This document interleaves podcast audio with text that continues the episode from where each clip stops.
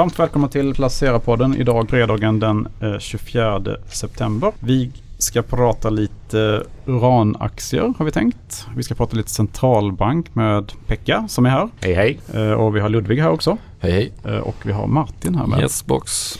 Lite börsoro kanske? Ja, lite börsoro naturligtvis. Evergrande ju, har ju varit spännande. Det var ju en spännande dag i måndags som inte mm. annat. Men vi lämnar väl över till Pekka tycker jag direkt här. Du får förklara vad som, hur ser centralbankerna på det här? Jaha, eh, ja generellt. Det har, det har varit, det har varit nästan 20 centralbanker som har lämnat besked i veckan. Så jag får väl ta ett urval då. en minut per varje så ja. fyller vi den här podden snabbt. eh, nej men om vi tar Riksbanken då som var först ut då. Eh, så, så var ju deras besked om att eh, räntorna ligger still. Och kommer att ligga på nollan fram till minst tredje kvartal 2024. Däremot så avslutar man ju de här nödpaketen eller nödfaciliteterna som man införde i pandemins spår och dessutom avslutar man eh, obligationsköpen vid årsskiftet. Det är ju planen.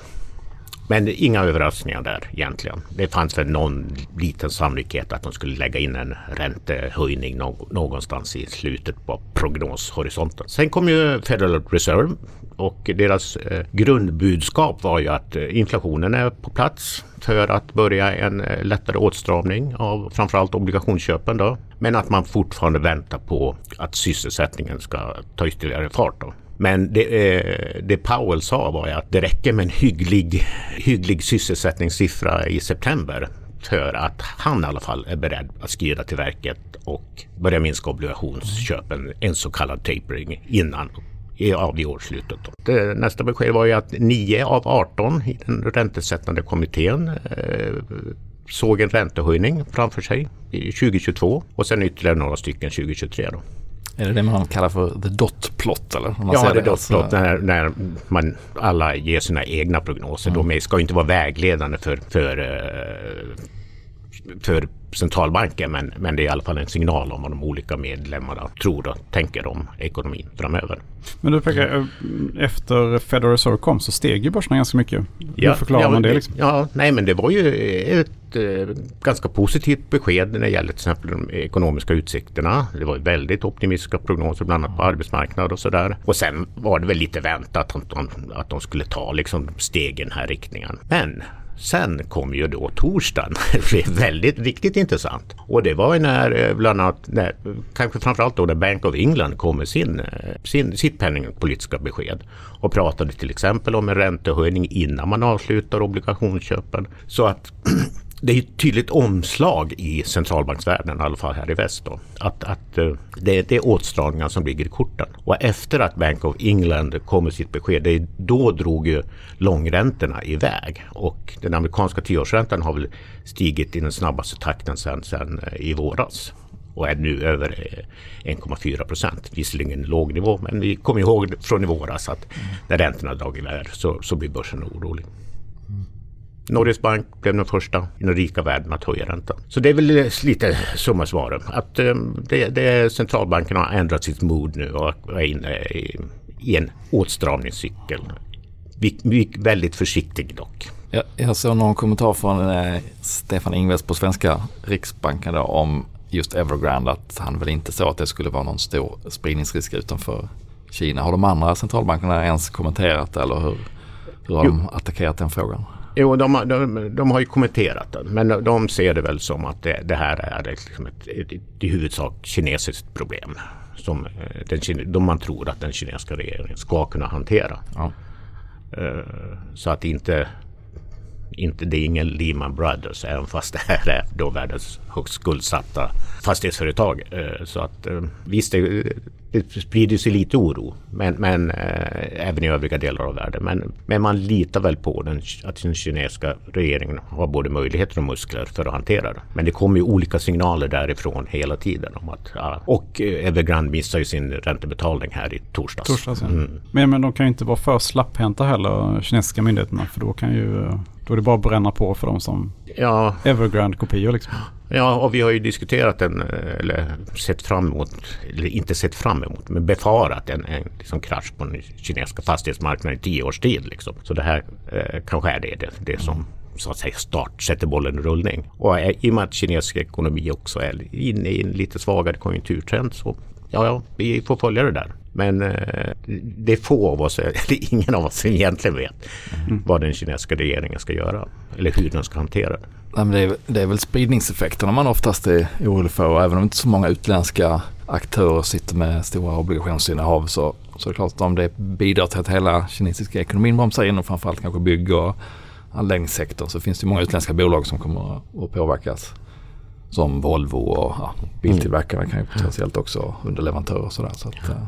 Ja, ja det, bankerna här i väst springer benen av sig för att visa att man inte har så stor eh, exponering Nej. mot Evergrande. Men som, det är som, precis som du säger Martin, att eh, det är nog på konjunktursidan man kanske ska vara orolig när det mm. gäller eh, hur det påverkar väst. Ja, men står, står det mm. tomma lägenheter som inte byggs eller att, att det hamnar i någon slags pausläge så det är klart att då kommer de som hade tänkt att bygga nytt och avvakta lite och en avvaktan kan innebära att hela att hjulen snurrar lite långsammare helt enkelt. Så då är det ju en del svenska bolag som, eh, som skulle kunna påverkas. De som kollade vilka som har störst exponering bara sett till försäljningen och det säger ju inte allt för det kan ju vara att man har en väldigt låg lönsamhet eller att man kanske inte är exponerad mot de sektorerna. Men, men eh, Autoliv, Atlas, SKF, Volvo till viss del har ju stor exponering. Alimak som då gör sådana bygghissar. Så det finns ett par bolag som har mellan 10 och 20 procent av försäljningen i Kina som skulle kunna påverkas av inte direkt av Evergrande kanske men av eh, följdeffekterna om det skulle sänka hela ekonomin. Men och det var ju därför börsen eh, drog alla över en kam egentligen i måndags när det föll 2-3 procent och sen, sen när det lugnade ner sig lite så såg man ju hur snabbt köparna kom tillbaka så att eh, den här riktiga rädslan har vi kanske inte eh, sett ändå eller? Men definitivt, ingen frossa är det ju definitivt inte. Nej. Nej men, men nu, nu, nu sitter vi här på en fredag men börserna går ner. Vi har en kraftig ränteuppgång i, i USA mm. när det gäller långräntor. Så det är mm. Klart att det är lite oroligt. Sen, men, det, men det visar också att det här att det går ner på fredagar. Det visar att man vill ju inte sitta över helgen med någonting. Det är väl ett tecken på det va? Ja, det kan jag tänka mig. Det, ja, det, det, var, det, precis, det, det tyder ändå att det är mer osäkerhet i marknaden. Mm. Att man säljer av på fredagar. Om det kommer något eh, otäckt besked att de eh, rycker aktierna mm. från de som äger det eller vill skriva ner skulderna så kanske det kommer under helgen när man hinner ja. sitta ner och så vaknar man upp på måndagen med lite mindre tillgångar än vad man hade på fredag. ja. ja, nej men så det är väl naturligt om, om de ska göra någonting att de gör det under en helg så att folk mm. liksom får tid att mm. reflektera över det. Tid att gråta. ja, tid att gråta. Men spännande. Ja. Mm. Mm. Och vi är inne i, i, det brukar ju vara två lite turbulenta månader här, september och oktober, liksom, där stora krascher sker. Så att uh, vi får väl se om det händer något ja. på måndag kanske. Ja, oktober är ju känt för sina krascher, annars är det väl en hygglig börsmånad sådär i genomsnitt. Eh, men som sagt de här börskrascherna skrämmer ju lite. Mm. Men det, det, det, tror jag väl inte på. Men... Eh, ja, så är det bara dagar kvar på kvartalet och vi har pratat om vinstvarningar tidigare men nu kom det ytterligare en i, i veckan här från Traton då som, som äger Scania och, och MAN och flera andra lastbilsvarumärken och det intressanta intressantaste där tyckte jag egentligen var reaktionen. Att aktien först gick ner lite och sen så gick den faktiskt upp och SKF och Volvo de andra steg också samma dag i onsdags då när den kom. Så att någonstans så verkar ju då förväntningarna på att, att tredje kvartalet kommer innebära rätt så stora problem för halvledarbrist och komponentbrist för fordonssektorn. Eh, man verkar ha tagit in det och kanske mer reagerat som att ah, okej, okay, blir det inte värre än så här då ser det ändå rätt okej okay ut. För det, är ju, det viktiga är ju att det är ju, det är ju leverantörerna som har problem, det är inte kunderna som har problem. Efterfrågan finns ju kvar. Eh, och ska man, ska man vara lite optimistisk så skulle det ju kunna bli så att den efterfrågan som man tappar nu, den kommer i 2022. Vilket skulle innebära att vinsttillväxten nästa år ser plötsligt kanske lite bättre ut än vad man hade trott om, om de skulle få, in det här redan i höst. Mm. Så att, uh, det ser ju inte så tokigt ut för många av de tillverkande bolagen om efterfrågan verkligen kommer fast senarelagd bara. Och även om återhämtningen har dämpats något, vilket bland annat har sett i diverse olika indikatorer, så, så är ju centralbankerna generellt sett och kanske Fed i synnerhet är ju eh, ovanligt optimistiska med ekonomin. Så, mm. Så, att man ser ju ingen konjunktursvacka framför sig precis. Mm. Ja, men som du säger, det är väl lite svagare på konjunkturindikatorer från höga nivåer. Även eh, Fedex kom med, med ett lite surt besked i veckan. Att, men också där var det att de hade problem med bemanning och sådär. Så att mer flaskhalsproblem kanske än efterfrågeproblem. Ja, det är det som är liksom svårt att skilja eh, just i den här liksom konjunktursvackan. Vad är det som beror på flaskhalsproblemen? Och då tänker jag inte bara på leveranser och halvledare utan även till exempel på den amerikanska arbetsmarknaden mm. så har du en arbetskraftsbrist av allt att döma. Liksom. Och vad är det som eh, beror på det och vad är det som beror på ett generellt liksom, efterfrågeminskning. Det är lite svårt att skilja åt. Mm. Men eh, bedömningen från centralbankerna är väl att det framförallt är ett, ett eh, problem med, med, med, så att säga, på utbudssidan och inte på efterfrågesidan. Mm. Nej, men det är väl ungefär vad man hör från bolagen också att efterfrågan är fortsatt stark men vi kan inte leverera det som våra kunder vill ha. Och därför får man sänka försäljningsprognosen lite och eh, samtidigt som råvarupriserna stiger. Så att, och det, det, kommer väl bli ett tema här i rapportperioden. För göra förutsägelse för 2022. Ska man tro, tro eh, på centralbankernas prognoser och sådär så kommer den stora diskussionen under 2022 vara om, om, om eh, centralbankerna inte har hamnat efter i räntekurvan. Mm. och behöver gå fram snabbare. Det är inte där än men kan bli, jag får återkomma med ett år och Se om jag hade rätt. Skulle kunna bli en sur börs då kanske? Eller surare börs? Ja, kanske. kanske. kanske. Först glad och sen sur kanske. Då. Ja, precis. Ja. Det, det, är ju cykeln att vinterhalvåret brukar vara väldigt bra och sen så framåt våren så blir man orolig. Skulle det tajma in med att centralbankerna också stramar åt mer då så ja. kanske man ska eh, åka med fram till maj som vanligt och sen ja. Ta långledigt. Ja, hoppa sommaren nästa år kanske. Ta lång semester. Ja. Mm. Eh, Ludvig, du har ju kikat lite på eh, en stjärnaktie som eh, går under förkortningen SUS. Ja, jag har kollat på det svenska bolaget Circle Science. Jag tror jag snackade om detta i somras om jag inte minns fel. Jag vet att jag och Per hade aktier i det då, men vi sålde ju av fruktansvärt dålig timing. Eh, för de förvärvar ju ett drömförvärv som vdn säger. Eh, Jaså, vad var det för något? Symbionics heter de. Och det är deras största konkurrent då, Circle Science. Jag kanske ska börja med att förklara vad de gör egentligen för Ja, vad är, alla. vad är SUS? Den snabba hisspitchen. ja, men SUS, det är ju, de är ju verksamma inom simuleringsmjukvara då. Eller simulatorer inom kirurgi. Mm. Så det ena området är ju att de säljer simulatorer då som eh, universitetssjukhus köper och så får studenterna sitta och öva eh, på att operera människor i en simuleringsmiljö. Eh, och det andra området är ju att man ja, man säljer simuleringsmjukvara till eh, robotkirurgiföretagen. Och det är det som är liksom själva grejen här då, att det växer ju så fruktansvärt fort det här robotkirurgisegmentet. Så de är ju liksom leverantörer till de som gör robotarna, robotkirurgi, som till exempel Intuitive Surgical och eh, Medtronic som kommer med sin robot Hugo här snart. Eh, Vad heter roboten? Hugo. Hugo? Hugo heter roboten. Det är någon förkortning säkert? Ja, det är det säkert. Så de, de, släpp, de skulle skicka in en ansökan här nu, eller de har skickat in en ansökan här nu om att få godkännande. Mm. Men så de förvärvar Symbionics då som är ett jättestort förvärv. Det är tre gånger fem så stort omsättningsmässigt som Circle Science var innan då. Eh, alltså det gamla Circle Science då. Och de gjorde en riktad nyemission på 2,6 miljarder för att kunna förvärva detta. Eh, och som jag sa innan, vdn kallade det för ett drömförvärv. Eh, och eh, nu får de liksom tillgång till nya applikationsområden inom det här Educational Products då, simulatorerna. Eh, så de får bland annat tillgång till urologi och ultra, ultraljud eh, i de nya, alltså i och med att förvärva detta bolaget då. Eh, och dessutom så får de ju tillgång till, och de har potential att få tillgång till alla de här robotkirurgikunderna då. Så det finns inga konkurrenter nu då, anser, alla man kan mm, anse det. Att det, de blir liksom, det blir liksom den dominerande aktören inom det, den här nischen då. Så jag tycker det är väldigt spännande. Eh, och det gick ju såklart upp väldigt mycket på det här beskedet då att de förvärvar bolaget. Men, men var, det liksom förvärvar de det billigt eller vad, vad är det marknaden tänker här liksom? Det vet jag inte. Det har inte, liksom, jag har inte kollat på värdering liksom, vad de förvärvar det till men det är säkert jättedyrt. Ja. Men marknaden För, var ändå begeistrad liksom? Ja, det blir ju liksom ett helt nytt bolag nu. Eh, så liksom en game, changer, mm. game changer kan mm. man säga. Men du äger inte den längre? Eh, jo, jag köpte tillbaka dem nu på toppen men nu, de har ju kommit ner lite nu men de är fortfarande väldigt eh, dyra kan man ju säga. Ja. Det är inte något värdeinvesteringscase direkt. Men de kan ju växa otroligt snabbt. De växte ju 80% topline här nu i första kvartal, eller andra kvartalet här nu. Så jag tror vi får fortsatt tillväxt och de, nästa rapport kommer visa otrolig tillväxt nu när siffrorna för Symbionics läggs in mm. i resultaträkningen. De, de blir helt ledande på det området och ett område som kommer växa jättemycket ja, under lång precis, tid. Det är det som är, precis, det är som är själva grejen. Ja. Och de får säkert jättemycket eh, synergieffekter också. Mm. Man kan, det är olika teknologierna och de, de är liksom bäst i området liksom nu. Eh, så det är ju väldigt spännande. Och sen måste de eh, ska revidera upp målen också som jag snackade om i min artikel här i somras. Eh, en omsättning skulle de ha på 2024 på 400 miljoner. Och nu när de har förvärvat detta bolaget så har de ju, då är de redan uppe liksom i 480 miljoner tror jag, över det.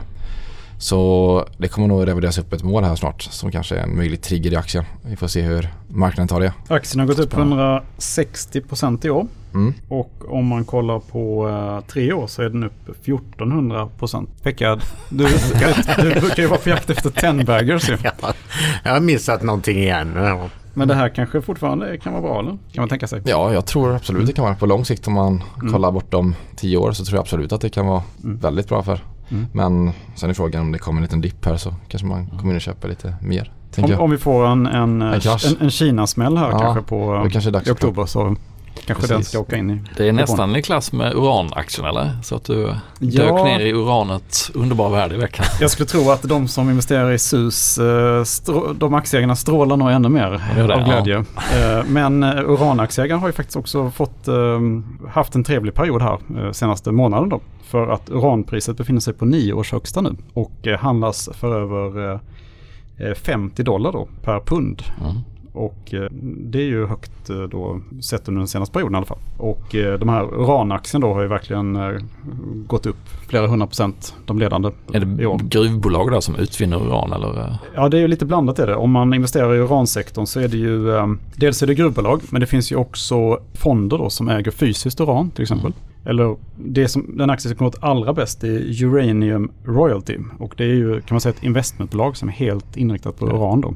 Och de äger ju både då koncession i gruvor, Mm. eh, aktier i gruvbolag och också fysiskt uran. Och den aktien är upp då 280% i år. Men jag säger, det som har drivit det här uranrallyt eh, det verkar ju vara då att eh, det finns en, eh, en börshandlad fond som heter Sprott Physical Uranium Trust. Och i augusti så började den plötsligt köpa enorma mängder fysiskt uran då på marknaden. Och det här börjar ju då som en, en Reddit-grej om jag förstår rätt. Att folk kastade sig in och började köpa uran.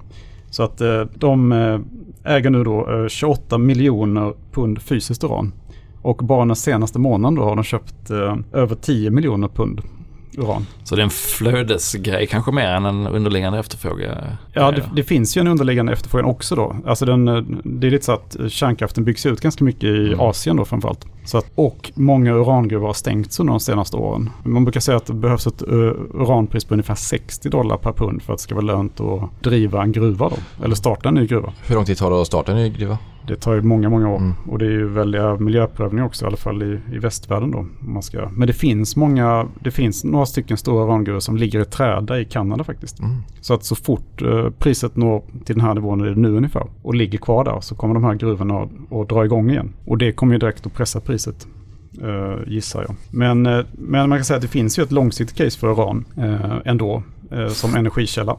Särskilt då på grund av just utbyggnaden Mm. i Asien. Då. Eh, och, och lite det som har legat uran i fatet då de senaste åren det är ju att de toppriserna på uran ligger någonstans runt eh, ja, 140-150 dollar per pund. Då. Och det hade vi så här 2007-2008 någon gång. Mm. Och det som var, var lite spiken i kistan för uranpriset det var ju eh, dels Fukushima eh, när Japan stängde ner sina kärnkraftverk. Och då spåren av det så la Tyskland ner sin kärnkraft. Och sen också att man har avvecklat mycket gamla kärnvapen de senaste åren. Och det, eh, det som uranet i kärnvapen kan ju då användas som bränsle i atomkraftverk istället. Så att eh, marknaden har varit lite, haft ett utbudsöverskott av uran senaste åren. Men eh, det kan ju hända att det håller på att eh, försvinna nu.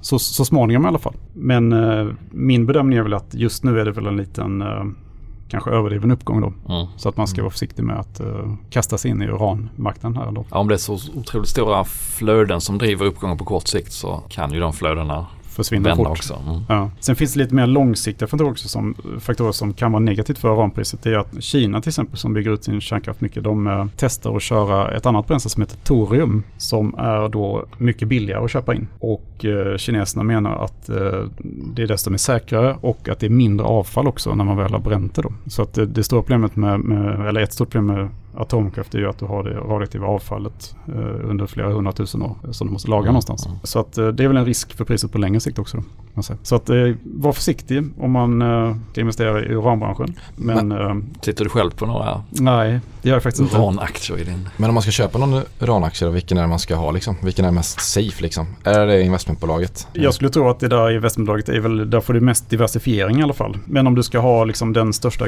gruvaktien då, då är det ju Cameco i så fall. Som är, eh, är det världens största renodlade gruvbolag som bara bryter uran i princip.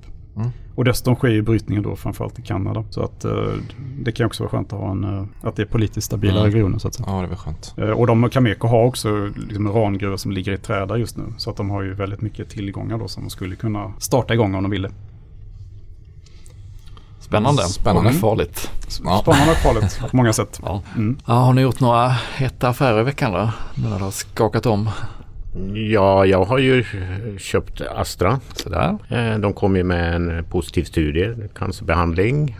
Och sen ska de bygga en eh, ny fabrik på Irland som skulle väsentligt korta ledtiderna för att få ut nya produkter på marknaden. Och sen är det ju en ganska stabil aktie om man tror på att det lite, ska bli lite skakigare i världen. En av de mest underviktade aktierna i Europa också. Så ja, jag i- såg det i bland fondförvaltarna. Mm. Ja. Konstigt, för de har ju en, vad det ser ut som en bra vinsttillväxt framför sig. Så att värderingen i förhållande till eh, den väntade vinsttillväxten är ganska låg. Så att, eh, ja, välkommen i ägarklubben, jag har Ja. också dem. Tack så mycket. Sen är en positiv, vet inte positiv, men en nyhet i alla fall är ju att eh, Lufthansa som jag har varit olycklig ägare i ett tag eh, eh, kommer med nyemission. För att göra sig självständiga från staten. Eller? Ja precis, fylla på kassan lite och eh, betala tillbaka de här nödlånen som de fick under eh, i pandemins spår. Då.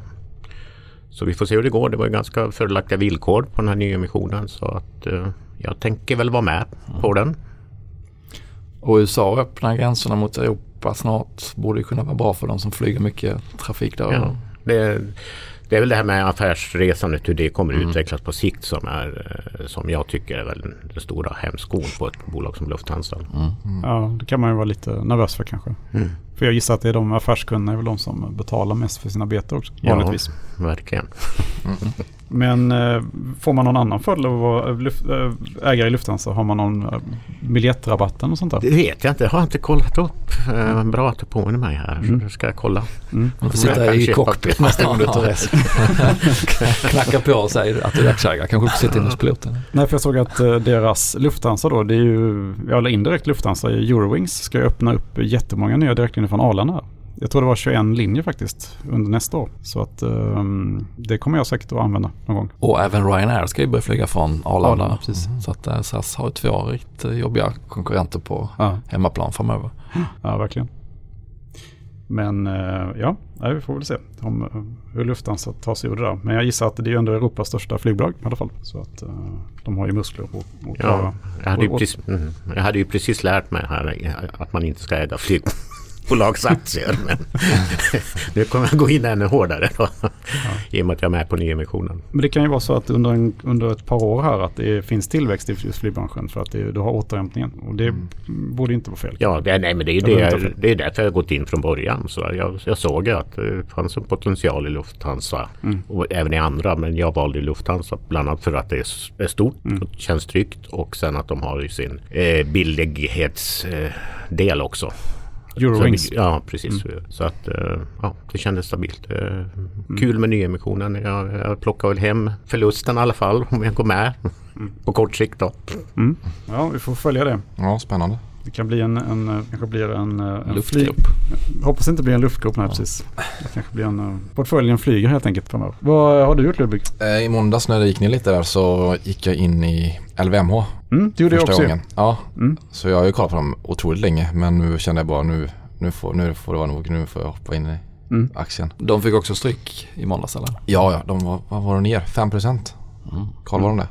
Ja, något sånt där var det. Ja, de var Man är nere så nästan ordentligt 600 där som mest.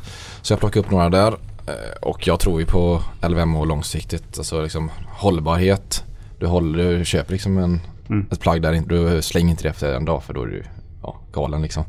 Eh, Så jag tror, jag tror Eller faktiskt också är du väldigt rik. Ja det kan också vara. Eh, Men liksom de långa trenderna talar för dem tror jag. Och eh, passa på att köpa lite i dippen. Mm. Det Och smart. värderingen ser ju inte helt galen ut heller. Den ser ändå ganska aptitlig ut. Tycker jag. Ja visst, jag håller med dig helt och Ja, hållet. för du köpte ju också. Jag köpte också LVMH. Mm. Ök- Hade du sen tidigare eller du? Jag hade lite sen tidigare. Okej, det har ju kommit, upp kom då. ytterligare en dipp några, för några veckor sedan då. så Ja, Varför var det? Jag minns att vi pratade om det men jag kommer inte ihåg varför, vad som hände. Ja, det var ju att de skulle... mm, Strama åt eh, för de rika i Kina, Precis, Kina ville att uh, beskatta Ja, rika det. människor lite hårdare helt enkelt. Så. Och då trodde man att det finns mindre pengar över att köpa uh, väskor för Konjak. 50 000 styck Mm. och sådär. Vilket kanske inte är helt, orimligt att tänka. Men vad har du köpt då Carl? Jag har lite grann duttat och småökat i små saker. Så att jag ökade i Maxar Technology till exempel. Det här satellitbyggbolaget. Jag tror ju på rymdekonomin framöver. Mm. Och Maxa är ju ett av de bolag som, typ, som tjänar pengar i alla fall. De ska ju lansera en ny, de är ju ledande på optiska satelliter framförallt. Och de kommer att skicka upp eh, en ny generation av dessa. Eh, så från 2023 ska det driva omsättningen. Plus att de då är duktiga på generellt satellitbyggande. Och vi har ju väldigt många, det är lite så här att väldigt, väldigt, väldigt rika människor har ju sina egna rymdbolag. Och de är underleverantörer till de här då. Mm. Så att uh, istället för att äga ett fotbollslag till exempel. Eller om du är riktigt rik har du en, ett rymdbolag istället. Och är man inte fullt så rik så köper man lite aktier i ett rymdbolag istället. Exakt. Så att jag är där istället då. Eh, sen har jag ökat till Uber. Som jag, det tror jag som ett återhämtningscase då. Apropå Lufthansa. Taxitjänst och leverantörstjänst är det ju. Kom en stark rapport eller? Ja, det var väl Prognosuppgradering eller någonting prognos fall. var det väl som var Ja. bättre än, än marknaden trodde. Så att då, jag ökade faktiskt på den. Eh, sen har jag ägt den länge då och ligger back i den faktiskt. Det har varit jättetråkig Mm. utveckling. Men det tror, jag, det tror jag verkligen kan vara en... eh, De är så starka på väldigt många marknader. Jag tror de finns på över 60 marknader då. Så Mm. Sen har jag ökat lite i Kompass som är då digitalisering av husmarknaden. Och fastighetsmäklarmarknaden är det väl i USA framförallt. Som Hemnet typ då, fast i USA. Ja, det här är nog mer eh, mot alltså mäklare, Mm. alltså business to business i Mm. så fall. Det är Zillow du tänker på. Det är mer ja, just det. Hemnet. Så var det. Den äger jag också i och för sig men jag har inte ökat i den. Sen ökat lite i Terradata som är eh, ja, lager, eh, digitalisering av lager som har gått jättebra också. Och lite i Tinable som är eh, IT-säkerhet. Mm. IoT. Har du gjort något mer Martin? Eller? Ja, jag har gjort ett par moves i veckan. Jag har eh, ökat lite i Appceleron som vi har pratat Mm, om många gånger tidigare. Mm. Eh, där närmar Den jag har tagit mig... sig lite här ju. Ja, den har börjat vända upp från en väldigt tuff period. Mm. Eh, både aktierna har vänt upp och det kommer ett ganska trevligt nyhetsflöde de sista veckorna med fler samarbetspartners. De gör ju då lite förenklat eh, eh, ett, ett system som hjälper läkemedelsbolagen att ta fram nya eh, antikroppsbaserade mediciner och annat. Så att, genom att, att använda deras big data AI-system så ska man då snabbare och lättare kunna ta fram nya mediciner. Så nu har de nyligen kommit med ett nytt samarbetsavtal med Moderna och ett bolag som heter Everest. Eh, de har fått ett FDA-godkännande från, eh, eller Lilly har fått ett eh, godkännande för ett, ett läkemedel mot covid som, som låg nere under sommaren och som pressade kursen lite tror jag. Så att det har kommit rätt mycket bra nyheter plus att aktierna har börjat vända upp. Så att eh, fortsatt att öka där. Eh, kanske snart på plus i den efter en Mm. tufft halvår. Eh, och sen så har jag minskat lite i en, den här digitala eh, säkerhets ETFen som jag plockade in en gång i våras. Gått ganska bra, minskat lite i den. Istället så plockade jag in Citec som gick till börsen på morgonen. Mhm. Inte i själva, jag var inte med i själva noteringen. Eh, utan jag väntade tills den noterades och den startade ju helt galet. Mm, Mer, 170 mer än dubblades, ja Mm. precis. Gick in på 69 tror jag det var så öppnade på 170 men så föll den ganska snabbt ner till 130 nivån. Fortfarande dyrt. Det är ju eh, ladda, el, laddare till elbilar och det är Latour som går in med 30% eh, ägarandel. Så att det är ju alla stjärnor rätt på något sätt för att den skulle rusa i öppningen. Mm. Men eh, jag tror att kan man vara långsiktig där så skulle den ju kunna fortsätta gå bra. Så att tog jag en liten bevakningspost. Och eh, vad har jag mer gjort? Jo, sista lilla affären att jag doppat tårna i ett litet mikrobolag som heter Vägg of Lund. Som Jaha. det. som gör Det är så här veganska milkshakes eller? Eh, inte riktigt. Man kan säga att det är som ett Oatly fast de baserade på potatis istället. Vilket ska vara ännu mer miljövänligt. Eh, och de har precis, precis börjat lansera sina produkter och fått, eh, fått en, in väldigt många butikskedjor där de kommer vara. Ica och Axfood och en del kaffekedjor i Kina och Potatismjölk alltså. Potatismjölk, precis. De har en smoothie, det är en av deras produkter. Och sen så har de den här potatismjölken som är den stora Mm. potentialen egentligen då. Ehm, Har du smakat på det? nej, jag har inte gjort det än. Nej, inte jag heller. Jag måste göra det. Ja. Men ehm, superspännande, kan bli stort. Kan ju också vara så att livsmedelskedjorna tar in produkter men folk köper inte det i den utsträckning som man trodde och då, då uh, fallerar ju det här. Men eh, en, en liten håll koll på post jag Mm. köpte för att följa dem. Det är jätteintressant att du har, har gjort det. Jag ska, jag ska Jag också till, kika på den. Ja, gör det. Jag har varit inne och liksom Mm. tänkt Oatly som, eh, som jag vet att du Mm. var inne i tidigare men eh, den ser ju så otroligt dyr ut. Det är väl 10 miljarder dollar eller någonting. Mm. Och det här är potentiellt något som då är väldigt mycket tidigare i cykeln och lite annorlunda på många sätt. Men eh, man kan ju hoppas på en, en liten, liten del av Oatly-resan skulle ju räcka för att det här Det här skulle kan ju kunna vara bli bra. något som 80 typ köper kanske. Skulle kunna vara så. Mm. Eller någon av de andra stora livsmedelstillverkarna i Ja. växt, växtbaserad eh, livsmedel. Sen om det är mjölk eller om det är någon annan applikation man kan använda det till får vi se. Men ett litet forskningsbolag från Lund som, eh, Mm. som precis som Oatly har eh, potential att ta en, en, en position. Både genom att man har en bra produkt förhoppningsvis då, men också att man gör ett varumärke av det som, som kanske väger tyngre än, än själva eh, verkshöjden i själva produkten. Mm. Ja, det är faktiskt Ja, det är jätteintressant. spännande. Mm. Men litet och eh, high risk. Så att, eh, Mm. exciting. Ja, men eh, vi tar helg nu va? Ja det gör vi. Så ser vi vad, Yes. vad som händer under helgen om Evergrande. Evergrande går i konken. Om vi får en svart måndag kanske. Nej, det får vi faktiskt inte hoppas på. Nej, det får vi inte hoppas på. Men det kommer ju tyvärr någon gång ändå. Sådana grejer. Ja. Ja. Hej då. Trevlig helg. Trevlig helg. Trevlig helg. Hej.